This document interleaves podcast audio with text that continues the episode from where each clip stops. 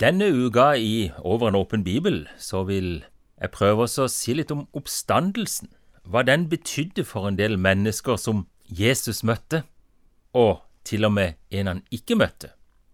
Vi må ikke glemme oppstandelsen. Det er et helårsbudskap vi trenger å høre om. I dag har jeg lyst til å si litt om hva betydde oppstandelsen for Peter. Hva betydde den for Peter? Det var faktisk noe veldig, veldig viktig. Vi leser sammen ifra Johannesevangeliet kapittel 21 og fra vers 15 til 19.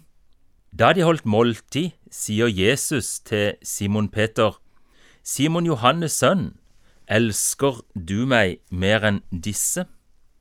Peter sier til ham, Ja, Herre, du vet at jeg har deg kjær. Jesus sier til ham, Fø mine lam.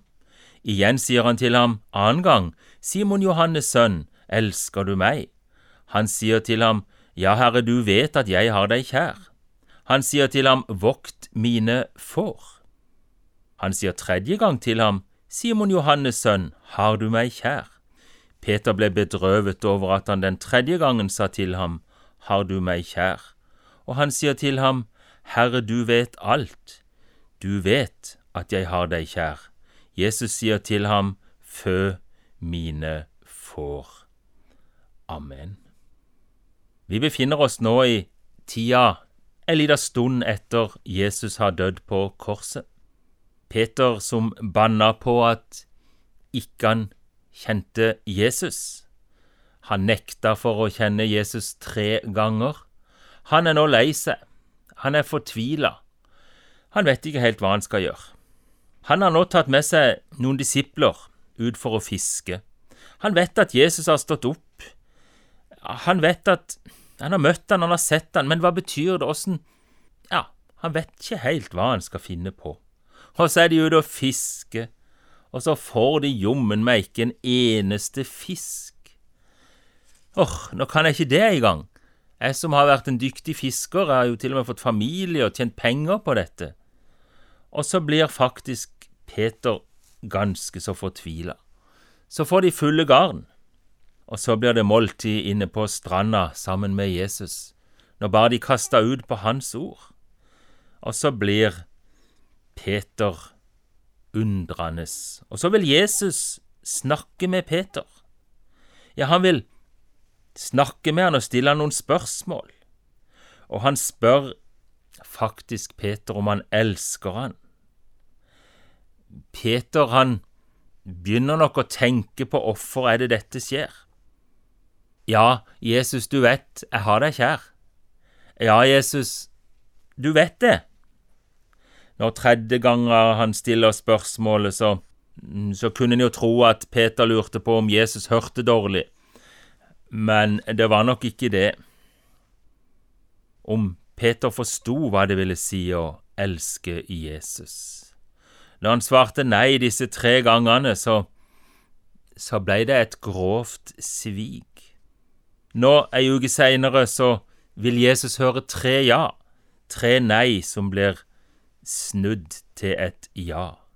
Så vil han høre et avhengighetsforhold. Ja, du vet at jeg har deg kjær. Åssen har du det med Jesus? Har du svikta Jesus noen gang? Er du glad i Jesus? Har du sett hva oppstandelsen betyr for deg? Jesus døde på korset for våre synder. Men oppstandelsen betyr at Gud var fornøyd med Jesus sitt offer. Gud aksepterte at han døde i stedet for Peter. Han aksepterte at Peter som sier ja, han er Guds barn. Han er elska av Jesus og av Gud på grunn av Jesu oppstandelse etter korsfestelsen. Jesus han sto opp igjen. Det er hele grunnlaget for at Jesus kan stille disse spørsmålene til Peter. Ja, det hadde ikke vært noe samtale mellom Peter og Jesus hvis ikke Jesus var stått opp igjen. Du og meg er òg elska av Gud. Vi er elska av Jesus. Uansett hva vi har gjort, så vil Jesus så gjerne, hvis vi har levd med han noen år, så vil han ta noen sånne restart med oss. Elsker du meg, Egil? Er du glad i meg enda? Jeg har hatt et par sånne. Dere har fått lov til å Jesus, henne er du i mitt liv? Og så har jeg fått noen glimt inn i Bibelen, fått noen opplevelser, og så har jeg fått lov å skjønne Jesus som sto opp igjen, han lever, han er i mitt liv, han er i våre liv, og han kan være sammen med oss fordi han sto opp igjen. Så når du nå får et spørsmål ifra Jesus, elsker du meg? Ja, så skal vi få lov å si som Peter, Herre, du vet at jeg har deg kjær. Jesus, du vet at jeg er glad i deg. Og så sier Jesus, fø mine lam, fø mine får, vokt mine får.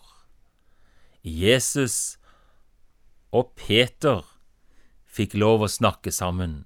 Jesus vil vi skal dele våre nederlag òg med Han. Så skal vi få begynne på nytt. Han døde for oss, han sto opp igjen, og det betyr at han lever, han er en realitet. Han har satt seg med Guds høyre hånd, der sitter han, og lever for alltid å gå i forbønn for oss. Han ser oss, kjenner oss og vet akkurat åssen vi har det skal vi be. Takk, Jesus, for at du sto opp igjen. Takk for at du snakka ut med Peter. Å, Jesus, du vil snakke ut med oss alle sammen. Du elsker oss så høyt. Du ga livet ditt, og du seira over synd, over død, over grav. Derfor har vi fått et evig liv når vi har tatt vår tilflukt til deg. For du sto opp igjen, og vi skal stå opp igjen og leve for alltid sammen med deg. Amen. Du har lytta til Over en åpen bibel ved Egil Grindland. Serien produseres av Norea Mediemisjon. Les mer om oss på nettsida vår norea.no.